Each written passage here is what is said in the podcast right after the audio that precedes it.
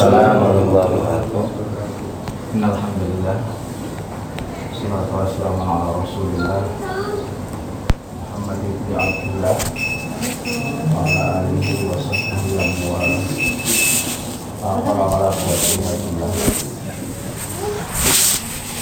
وقال الله تعالى في القرآن الكريم أعوذ بالله من الشيطان الرجيم.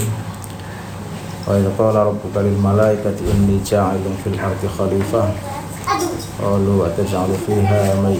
fiha wa yasfiku dima wa nahnu nusabbihu bihamdika wa nuqaddisu lak. Qala inni a'lamu ma la Wa fi ayatil ukhra Ya ayyuhalladzina amanu atiullaha wa atiur rasul wa ulil amri minkum. Al ayah ila akhirih sorry hormat ayah anda tua PDM Bapak Burhanuddin tua ranting Pak Agus pimpinan ya pimpinan ranting Pak Agus kemudian ada eh pimpinan cabang. Pimpinan cabang Pak Agus kemudian pimpinan ranting. Sekretaris ranting ya. Sekretaris ranting ketua ranting. Juga sekretaris. Dan juga Bapak Ibu sekalian. Pembina? Belum disebut. Pembina dan mantan mantan BPH UMJ Oh iya. Eh, puji syukur kehadirat Allah Subhanahu wa taala. Salawat dan salam semoga tetap tercurahkan pada beliau Rasulullah Muhammad sallallahu alaihi wasallam. Saya hari ini didaulat untuk memberikan apa ini kalau kalau ceramah itu terlalu tinggi lah ya. Mungkin politik. Tausiah lebih tinggi lagi terkait dengan masalah terkait dengan masalah politik 212. yang pasti memang soal politik itu Wah, tidak pernah akan bisa selesai ya kita bincangkan karena politik itu ya ada selagi masih ada manusia maka politik itu tetap akan ada. Karena sejatinya manusia adalah makhluk yang binatang yang berpolitik gitu ya. zon politikon tidak konsepnya Aristoteles itu seperti itu. Dan kita bisa melihat bahwa manusia itu memang makhluk politik binatang politik itu. Kalau kita lihat misalnya ada anak-anak kecil lagi main ya, usia-usia TK kemudian di antara TK-TK itu ada yang SD kelas 1 atau kelas 2 maka ada kecenderungan kuat yang kelas 1 atau kelas 2 SD itu akan kecenderungan menyuruh yang SD yang TK gitu kan. Nanti kalau disuruh tidak mau ayo dong kita anu pergi jangan ditemani dan lain sebagainya. Itu itu politik. Jadi sejak kecil kita sudah bersinggungan dengan politik tentu pembicaraan siang hari ini konteksnya terkait dengan eh, politik di Muhammadiyah kita semua sudah tahu bahwa sejak lahir Muhammadiyah tidak pernah ya, dimaksudkan untuk menjadi eh, partai politik atau organisasi yang ansih yang hanya fokus pada persoalan politik. Tapi bahwa dalam konteks kelahirannya ada ya hal-hal politik yang kemudian menjadi pendorong lahirnya Muhammadiyah itu iya, tapi tidak pernah dita, tidak pernah diniatkan sebagai partai politik. Dan dalam perjalanan waktu memang ya, mau tidak mau dan ini saya kira memang menjadi kalau saya berpandangan ya ini pandangan yang mainstream di kalangan umat Islam ya, terkait dengan politik terkait dengan negara itu ada pandangan yang dominan bahwa al-Islam ad-din wa daulah gitu ya. Al-Islam ad-din wa siyasiyah gitu kan. Jadi Islam adalah agama dan juga negara. Islam adalah agama dan juga politik. Dua hal ini tidak bisa dikesampingkan begitu saja.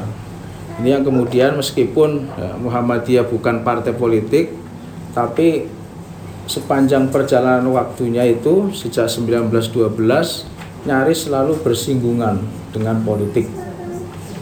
Setidaknya kalau kita lihat paling tidak secara organisatoris itu ya, Muhammadiyah pernah meskipun tidak pernah resmi menjadi partai politik pernah bergabung ke dalam Masumi.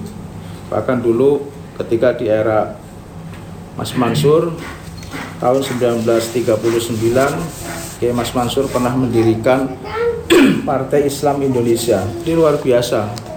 Jadi memang libido di antara ketua-ketua PP Muhammadiyah waktu itu masih menggunakan istilah PB ya itu saya kira Mas Mansur itu yang libido politiknya paling tinggi. Jadi dia termasuk bisa mendirikan PII Partai Islam Indonesia bahkan di tahun 1938 itu Muhammadiyah memberikan putusan resmi untuk membolehkan Kiai Mas Mansur itu memimpin PII Partai Islam Indonesia sebelumnya di era Kiai Ahmad Dahlan, Kiai Dahlan itu saya kira Kiai Dahlan itu orang yang sangat fleksibel ya, orang yang sangat luas sampai untuk kemajuan Muhammadiyah dia rela untuk dekat dengan Budi Utomo, dia rela, rela dekat dengan kelompok-kelompok yang lainnya, termasuk bahkan Ahmadiyah. Eh, Mas Najib tidak ada ya. Kiai Ahmadiyah. Jadi Kiai Ahmadiyah. di kita itu ada Kiai Ahmadiyah, ada apa itu? Kiai Syekh Siti Jenar itu juga. Mas Munir ya. Kalau Syekh Siti Jenar identik dengan Mas Munir, Ahmadiyah terkait dengan Mas Najib gitu kan. itu dekat dengan Ahmadiyah, dekat dengan bahkan Kiai Misbah gitu kan.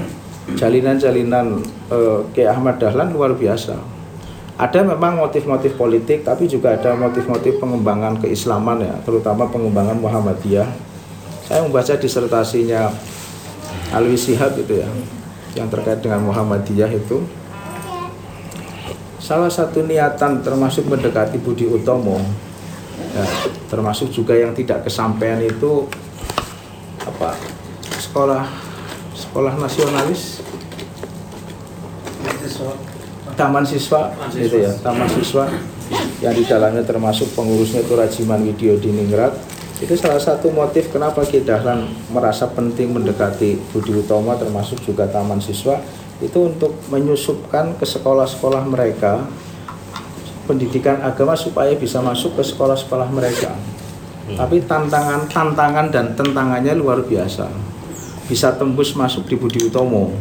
Tapi di taman siswa tidak karena di situ ternyata abangannya lebih dominan termasuk di situ dijadikan saya masih ingat betul dijadikan footnote oleh Alwi Sihab di dalam bukunya itu itu catatan bahwa yang menentang keras itu ya Rajiman Video Diningrat alasannya segala macam itu ada. Kan footnote-nya cukup panjang footnote tapi catatannya hampir setengah halaman. Itu menunjukkan bahwa ada misi-misi yang sifatnya juga keagamaan tapi juga ada misi-misi yang sifatnya politik ketika Indonesia menjelang merdeka ya, masih di tahun 43-an itu ya itu berdiri Majlisus Majlisul Islam A'la Indonesia yang sering disingkat sebagai MIAI gitu ya. Itu yang mendirikan umat Islam sendiri dan itu sebagai wadah wadah untuk e, bisa membangun e, kesepakatan-kesepakatan di antara umat Islam sampai kemudian berdiri tidak lama setelah itu itu berdiri Masumi. Masumi itu harus difahami pada dua hal ya. Ada Masumi yang bentukan Jepang ya. ada Masumi yang bentukan Jepang itu yang berdiri menjelang menjelang kemerdekaan sampai dengan tahun 45 Jepang masuk Jepang mengakui itu dan itu adalah kemenangan kalau menurut Heri Benda yaitu ya kelihan Jepang dengan mengakui Masumi. Ya maka kemudian secara tidak langsung umat Islam merasa sudah ada di genggaman di genggamannya. Kemudian setelah merdeka setelah Jepang dinyatakan kalah ya, dengan sekutu itu maka beberapa elit Islam berkumpul dan kemudian membentuk sama namanya Majelis Suro Muslimin Indonesia atau Masumi. Jadi Masumi itu ada dua, ada Masumi yang didirikan oleh Jepang, ada Masumi yang 45 itu yang didirikan oleh umat Islam sendiri. Kenapa menggunakan nama Masumi? Untuk menggampangkan saja. Jadi kalau ganti nama itu kan susah, nanti sosialisasi empat pilarnya kan terlalu lama, gitu kan. Maka kemudian sudahlah namanya sama Masumi, tapi kemudian itu yang mendirikan eh, apa umat Islam sendiri dan Muhammadiyah baik waktu ketika di Majlisul Majlisul Islam A'la Indonesia maupun Majlis Surah Muslim Indonesia itu menjadi anggota istimewa. Nah, kemudian tahun 1947 itu Masumi berubah menjadi partai politik. Satu-satunya partai politik wadah politik umat Islam pada saat itu adalah Masumi. Termasuk yang sudah ada sebelumnya PSII juga melebur ke dalamnya. Semua kekuatan politik umat Islam pada saat itu gabung di dalamnya. Gabung di dalamnya. Dan Muhammadiyah sekali lagi menjadi anggota istimewa. Bahkan ketua umumnya pertama kali itu dijabat oleh wakil dari Muhammadiyah sementara ketua majelis suronya adalah Kiai Hashim Ash'ari dari NU tapi yang menarik di antara kalau tidak salah sekitar 10 anggota Majelis Suro itu Muhammadiyah hanya kebagian dua yaitu Ki Bagus sama Kasman Singo di atas meja. Itu hanya dua, dua orang itu saja. Sementara di di majelis eh, di ketua umumnya ketua umum dipegang oleh Muhammadiyah dan beberapa termasuk ada juga Jarnawi gitu ya masih muda pada saat itu tentunya Jarnawi Hadi Kusuma itu masuk di dalamnya. Nah dalam perjalanannya itu kita tahu bahwa PSI kemudian keluar dari Masumi ya. kemudian Perti keluar dari Masumi terakhir kemudian NU tahun 52 keluar dari Masumi jadi bukan NU dulu, tapi sudah didahului dulu. Seperti PSI itu sudah keluar dulu kan. Hmm. Lalu kemudian eh, NU keluar tahun 52. Dan itu yang menarik kemudian salah satu yang membuat NU keluar itu karena merasa disepelekan di Masumi terutama pada era Nasir ya, era Nasir nah di era Nasir itu memang kalau kita baca Nasir itu memang tidak bisa ngomong. Beda dengan Soekarno meskipun itu kader Muhammadiyah tapi bisa ngomong politiknya NU kalau Nasir tidak terlalu bisa. Yang menarik juga yang sering dikatakan bahwa Muhammadiyah banyak diuntungkan di era Nasir itu itu persentase kepengurusan di era Nasir itu Muhammadiyah itu cuma sekitar 2, 28 persen. Kecil. Sekali. Jadi kecil ke, kecil persentasenya ya. Jadi kalau kita ambil keseluruhan baik di jabatan-jabatan kepengurusan di Masumi ya persentase Muhammadiyah itu sangat kecil pernah memang selepas dari NU keluar dari Masumi itu pernah sampai tertinggi itu 51, sekian. Tidak pernah sampai lebih dari itu. Dan yang menarik juga jabatan-jabatan menteri ya, yang disandang itu Muhammadiyah itu dari mulai awal merdeka sampai Muhammadiyah menyatakan keluar dari Masumi tahun 59 ya 60 ya lebih 59 itu proses sebenarnya 59 nya itu keluar itu kan karena sebelumnya di ultimatum sama Pak Karno kalau sampai berapa bulan tidak membubarkan diri maka dengan sendirinya surat dari presiden ber, berlaku. Nah, sebelum surat itu sampai batas akhir, maka Mas Sumi menyatakan membubarkan diri. Jadi kalau versinya Mas Sumi membubarkan diri, tidak sampai dibubarkan oleh Pak Karno. Nah itu presentasinya kecil. Menteri dari Muhammad itu hanya sekitar 18. Itu, itu pun hanya dijabat oleh empat orang, gitu kan. Empat 18 ini ya 18 kabinet itu dijabat hanya sekitar tiga orang eh empat orang yang menarik justru NU dari 21 jabatan di, di kabinet itu itu hanya tiga orang atau berapa itu yang menjabat sebagai menteri agama. Nah itu itu perjalanan panjang Muhammadiyah sejak awal kelahirannya sampai dengan eh, apa sampai dengan eh, dekrit presiden itu ya. Kemudian memasuki dekrit presiden ke sini praktis Muhammadiyah kan tidak ikut cawe-cawe secara politik. Karena sudah menyatakan keluar dan kemudian tidak campur campur lagi dengan politik. Baru muncul itu kan setelah Pak Karno lengser kemudian di situlah mulai Soeharto memberikan janji kepada ya termasuk umat Islam. Karena waktu itu kan jelas sumbangsih terbesar naiknya Pak Harto itu adalah dari umat Islam. Soeharto menjanjikan tahun 68 paling lambat dilaksanakan pemilu. 68 itu janjinya. Kemudian molor molor karena kan 67 kan menja menjabat sebagai presiden. 67 68 itu janji pemilu pertama. Molor ya dugaan kalau melakukan pembacaan sejarah itu kan karena belum siap Golkar hmm. untuk pemilu. Baru kemudian 71 itu ada pemilu. Dan yang menarik di situ adalah ketika Soeharto yang notabene didukung oleh umat Islam pada saat itu itu untuk merehabilitasi nama Masumi saja itu tidak mau. Sekedar merehabilitasi. Dan pilihan untuk menghidupkan kembali Masumi pun tidak dibolehkan. Akhirnya kemudian berdirilah para musik Pak Musi berdiri dan yang luar biasa jelas itu ketua umumnya itu Pak Jarnawi, sekjennya itu adalah Pak Lukman Harun. Nah, tapi kemudian tidak lama kemudian proses itu dikudeta. Pada akhirnya memang yang mengendalikan P3 adalah orang yang bernama Naro. Saya masih ingat betul Jeladi Naro itu ketika ketika saya kuliah-kuliah awal itu ya pokoknya P3 di era itu ya padahal Parmusi pada saat itu ya ya Muhammadiyah juga sudah tersingkirkan secara politik sesungguhnya hmm. tapi pada saat itu kan yang dianggap bisa merepresentasikan politik Muhammadiyah pada saat itu ya lewat lewat lewat Parmusi hmm. Coba Naro itu awalnya sebenarnya Al-Wasliyah itu yeah.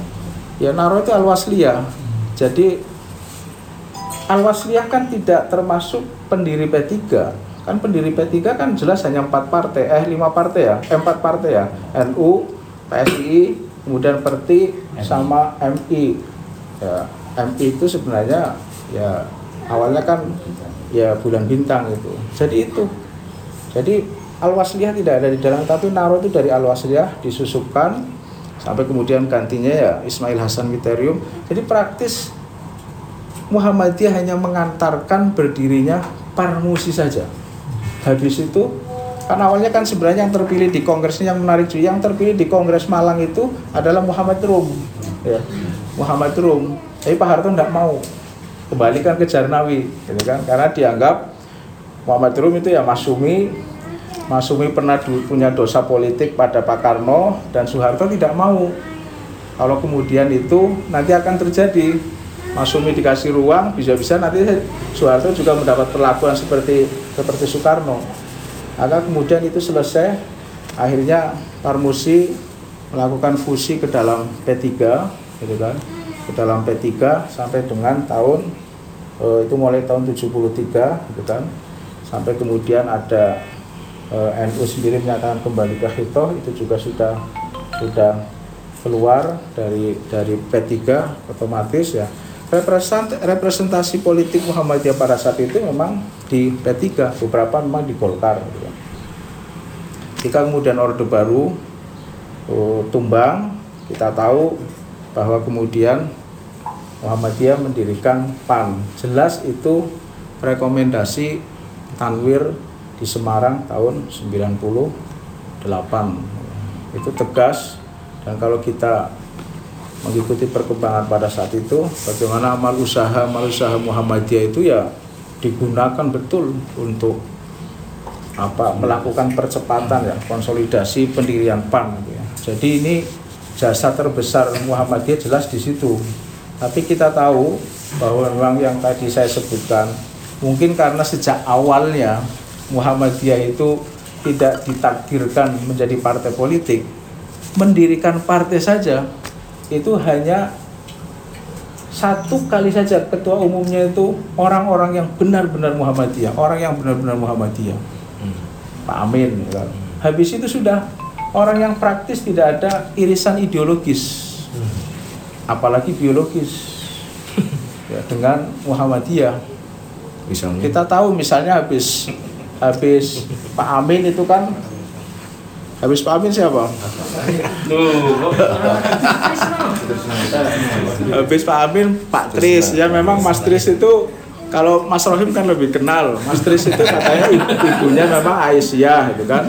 Kemudian ke Hatta Rajasa ini lebih jauh lagi tidak ada irisan apa-apa itu kan. Katanya juga punya Kartanu juga itu kan. Oh gitu.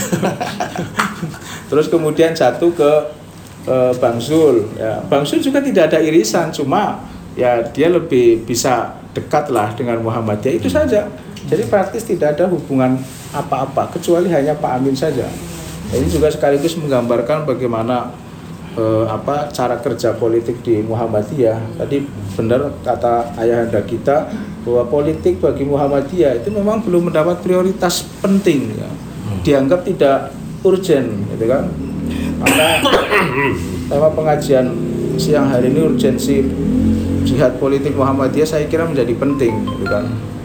Nah, eh, posisi politik Muhammadiyah yang seperti itu kita lihat sebenarnya juga terjadi ya pada saat pada saat setelah setelah apa setelah era-era Parmusi sampai ke sini keluar banyak hitoh-hitoh. Kalau kalau kita kritisi hitoh-hitoh Muhammadiyah sampai dengan hitoh Mataram ya Mas Noto yang kemudian keluar rumusan salah satu poinnya itu yang kemudian diberi tafsir tersendiri oleh Angkatan Muda Muhammadiyah waktu itu membentuk PAM itu ya ya Mas Rohim ya Perhimpunan Amanat Muhammadiyah gitu kan. itu itu tafsir atas putusan Tanwir di Mataram Pam ya. PAM awalnya itu saya termasuk deklaratornya Mas Rohim salah satu deklarator juga Usah- usah gitu kan minum. sampai kemudian itu dianggap sebagai sinyal untuk berdirinya partai baru dan memang kemudian terbukti gitu kan berdirilah partai modal Bismillah gitu kan.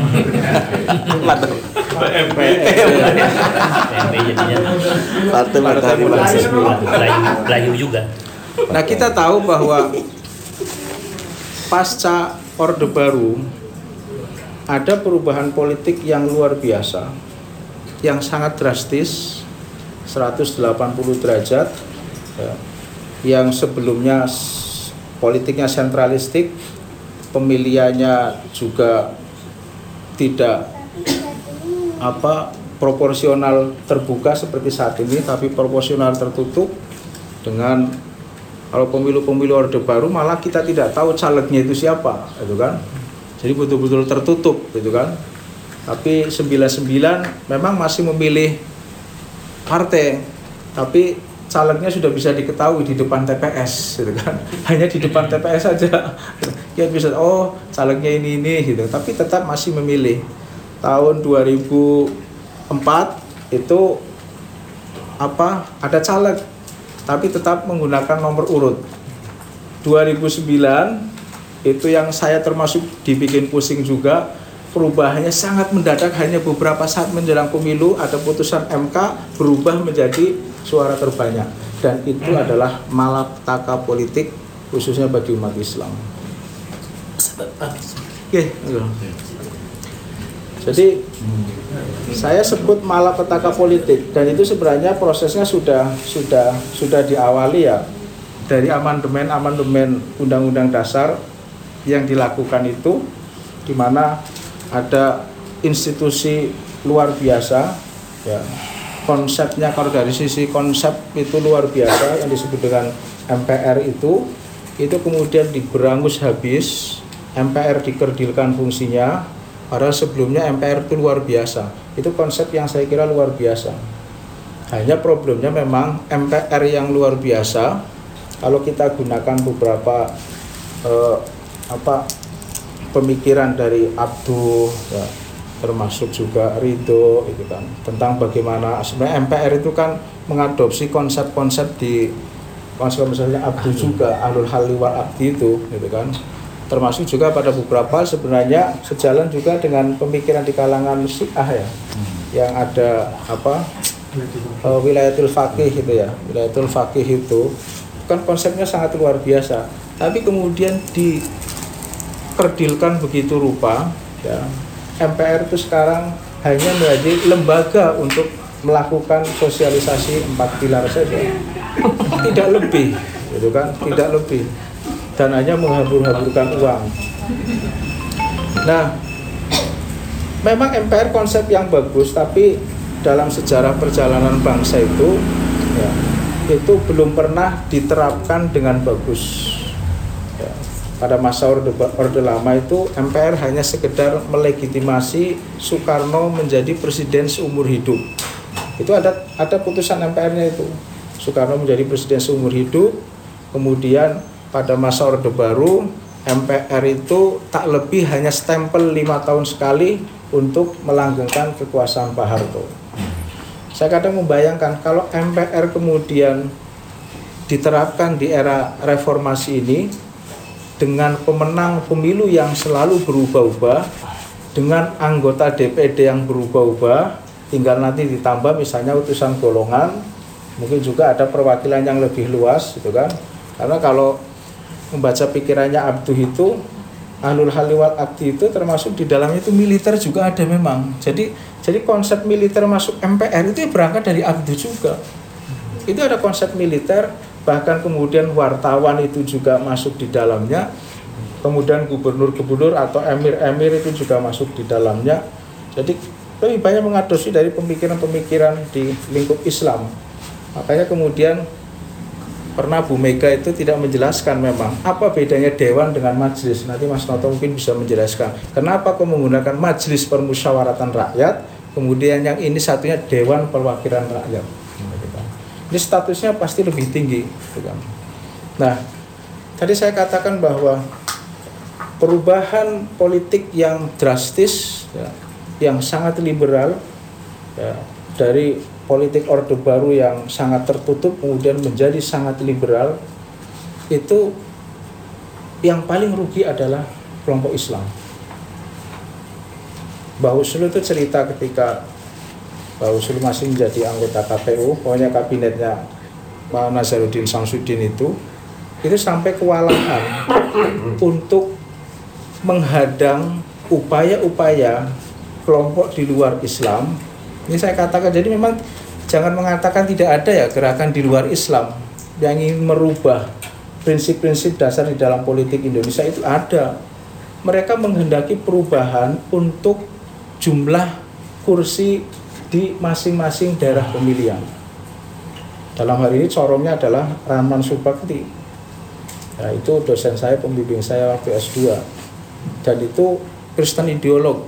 Saya tahu persis gitu kan Ya, tapi kalau terkait dengan Gus Dur, terkait dengan NU, nah itu bisa bersahabat. Tapi kalau dengan Muhammadiyah agak susah. Itu konsep yang ditawarkan oleh Ramlan itu adalah mengubah dapil yang jumlahnya hanya 3 sampai 6 kursi saja. Bisa dibayangkan yang serius untuk melawan ini adalah kelompoknya Husnul, kelompoknya Anas, gitu. pokoknya faksi Islam di KPU pada saat itu itu yang kemudian menghadang sampai akhirnya tetap keputusannya itu kan 3 sampai 12 kemudian turun pada perkembangannya 3 sampai 10 kursi di setiap dapil. Bisa dibayangkan kalau kursi dapil itu untuk DPR RI itu hanya 3 sampai 6. Partai Islam semua rontok.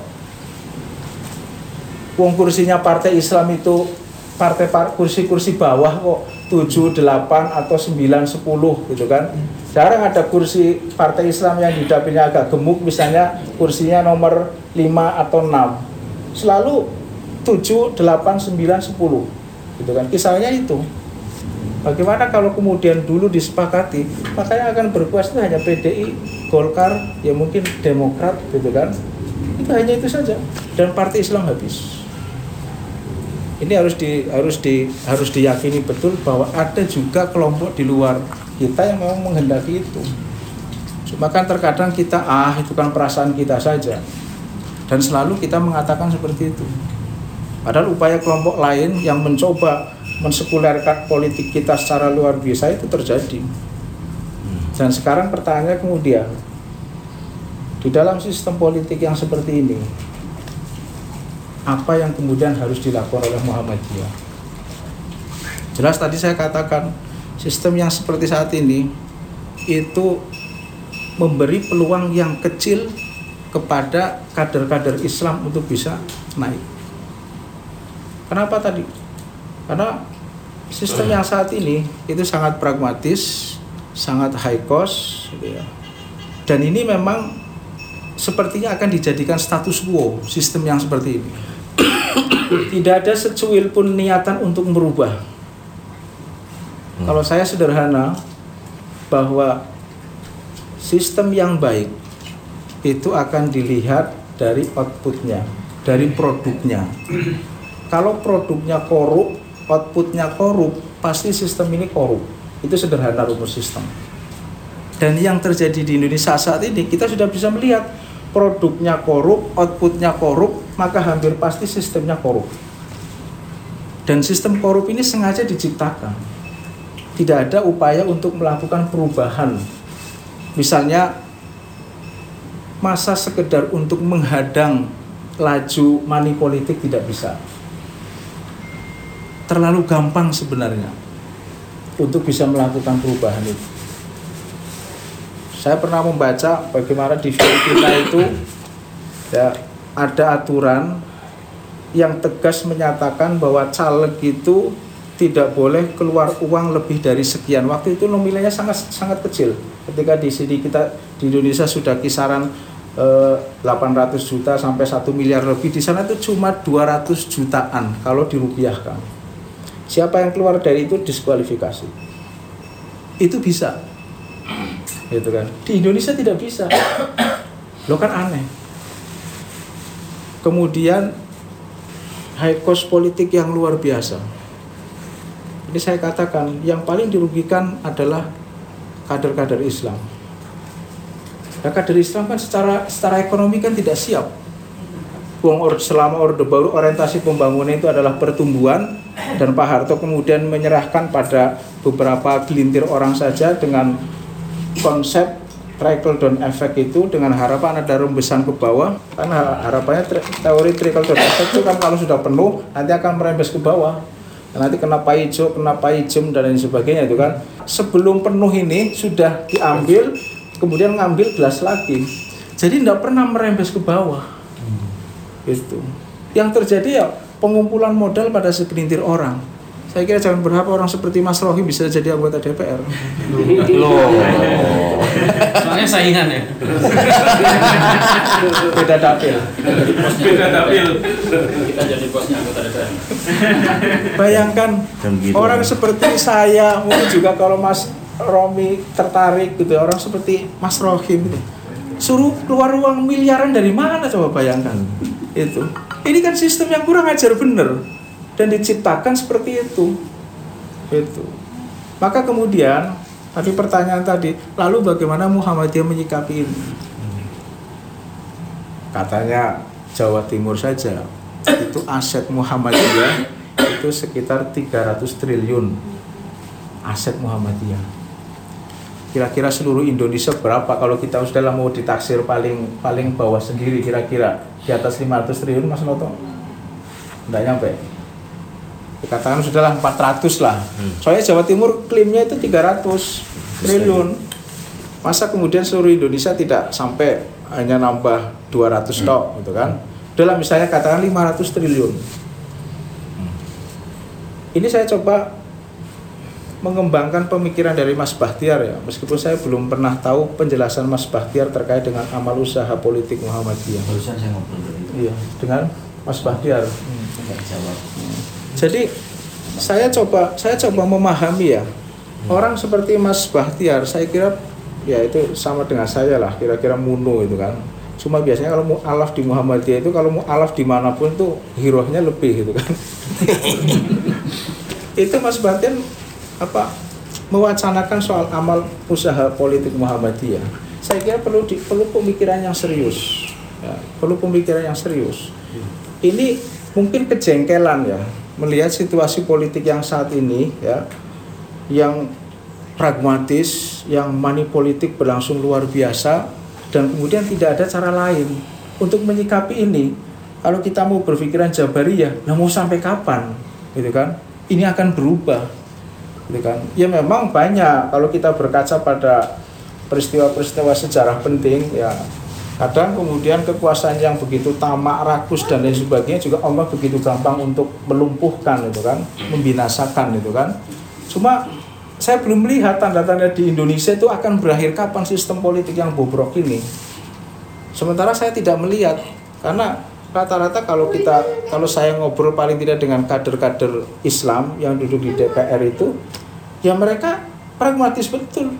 Ya saya sih mengikuti sajalah ketika teman-teman di Golkar yang terutama yang banyak dari HMI itu ya ketika saya singgung soal Setia Novanto sikapnya seperti apa terhadap Setia Novanto hmm. sederhana jawabnya dia ketua umum ya kita ikuti saja lah cuma tidak harus kemudian menjilat-jilat gitu kan. Kalau waktunya jatuh ya sudah jatuh gitu kan. Jadi pragmatis betul. Yang penting dia bisa aman dan lain sebagainya. Kemudian untuk Islamnya apa? Ya kecuali emosional. Gitu kan. Tapi bagaimana kemudian upaya untuk membersihkan politik itu dari money politik, dari praktek-praktek korup dan lain sebagainya. Selain tawaran Mas Bahtiar sebenarnya kan berkembang juga tawaran yang lain ya dari teman-teman yang lain. Pentingnya negara pembiayaan partai itu di, di, dilakukan oleh negara. Nah, kadang juga mohon maaf lah orang-orang kita kadang kan munafik juga secara politik.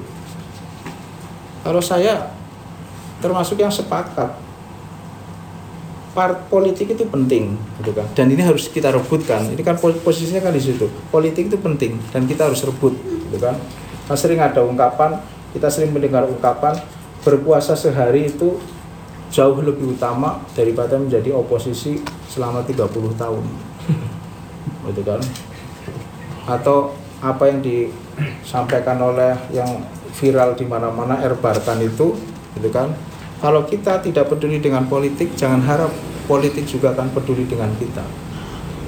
Ini betul-betul kita itu nasibnya ditentukan oleh politik. Tapi politiknya seperti ini.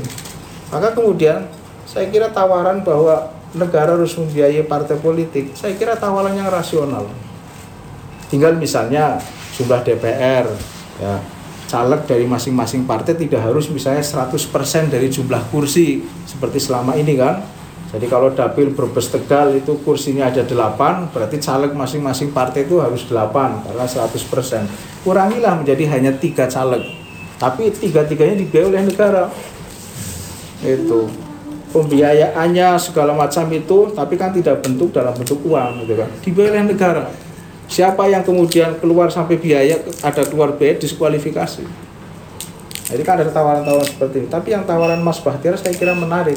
Cuma konsepnya mau seperti apa? Saya saya mencoba menjabarkan begini. Kalau kita mau serius, ya, termasuk ayahanda ayahanda di PP Muhammadiyah itu mau serius, ya, melakukan perubahan, ya, melakukan ijtihad politik. Ini sistemnya saat ini seperti ini, pragmatis dan kita mau tidak mau karena tidak ada upaya serius untuk melakukan perubahan di DPR itu kalau kita pilihannya hanya dua, kita paksa DPR untuk melakukan membuat undang-undang politik yang yang yang aspiratif gitu kan atau kita kemudian ikut larut di dalam sistem itu dengan dalam artian bahwa kita juga mengikut permainan di dalam sistem itu. Saya kadang pikiran nakal saya mungkin karena saking jengkelnya itu ya. Kita kurung aja DPR gitu kan. Berjuta-juta orang kurung DPR kita paksa. Misalnya kumpulan Mas Noto profesor-profesor kita kumpulkan Mas Noto kita buat konsepnya. Kemudian kita tawarkan secara paksa ke DPR DPR suruh menyetujui itu. Ya. atau yang kedua kita harus tenggelam ikut dalam sistem itu. Nah makanya kemudian kalau misalnya PP Muhammadiyah nah biasanya kalau ormas-ormas Islam itu kan gaya-gaya Sunni itu kan cenderung akomodatif dengan sistem yang ada. Ya, Muhammadiyah lebih progresif tapi kalau di NU agak fatalistik. Pokoknya apa yang sudah menjadi keputusan negara yaitu taat pada negara. Tidak boleh melakukan pembangkangan tidak boleh melakukan buhot gitu kan. Itu itu sangat ditekankan. Mungkin karena konsepnya banyak berangkat dari Al Mawardi gitu kan? Al Mawardi kan dibuat Al Mawardi kan pemikir yang juga masuk dalam kekuasaan pada saat itu. Sehingga cenderung pemikiran-pemikiran yang mengakomodatif terhadap kekuasaan itu.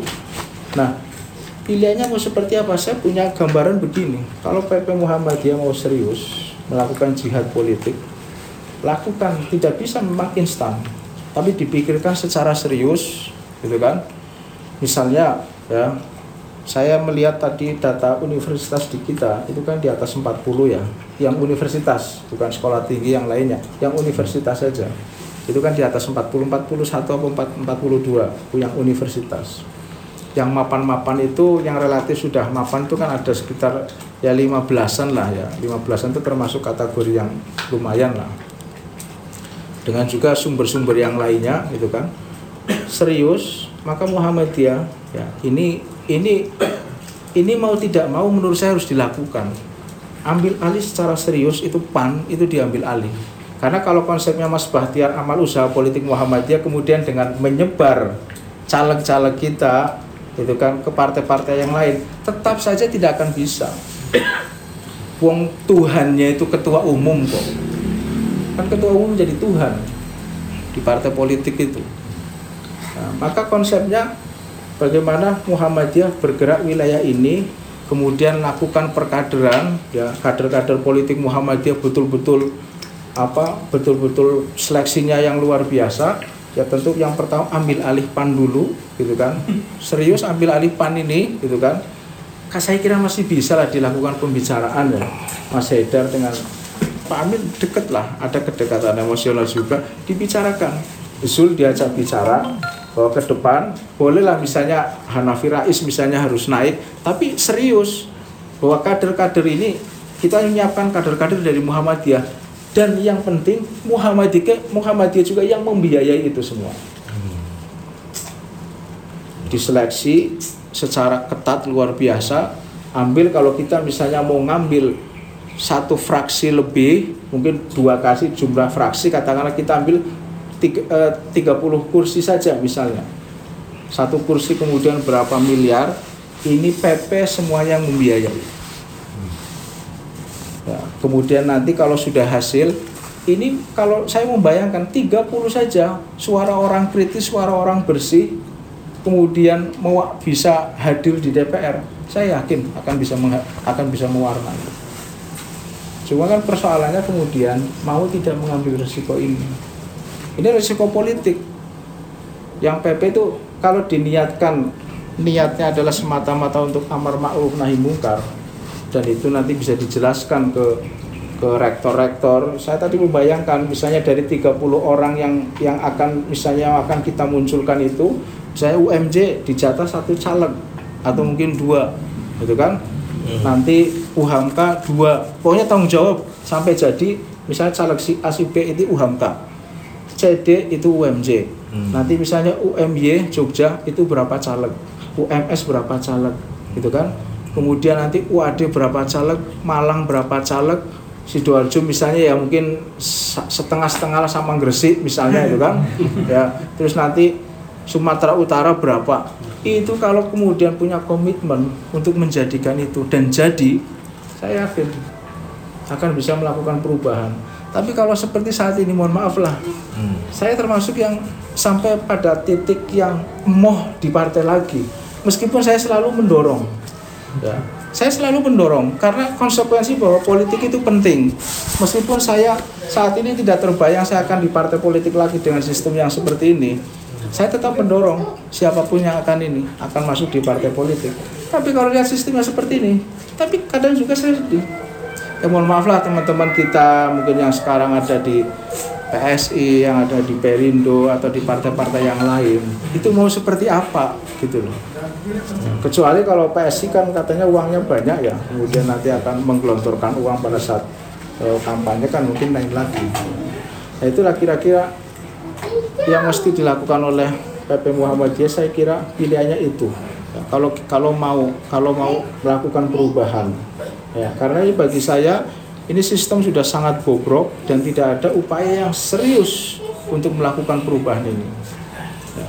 Sekarang pemilu sudah sebentar lagi berjalan, tetap suara terbanyak. Nanti kita akan lihat saja berapa aktivis yang akan jadi anggota DPR dan kecuali kalau mau jadi harus harus melacurkan diri pada kekuasaan itu dan Muhammadiyah saya pandang kalau kita berangkat kan ada ada kebanggaan yang luar biasa kan orang-orang merindukan Masumi saya yakin peran dominan itu ya karena Muhammadiyah di situ kemudian ya Persis lah ya.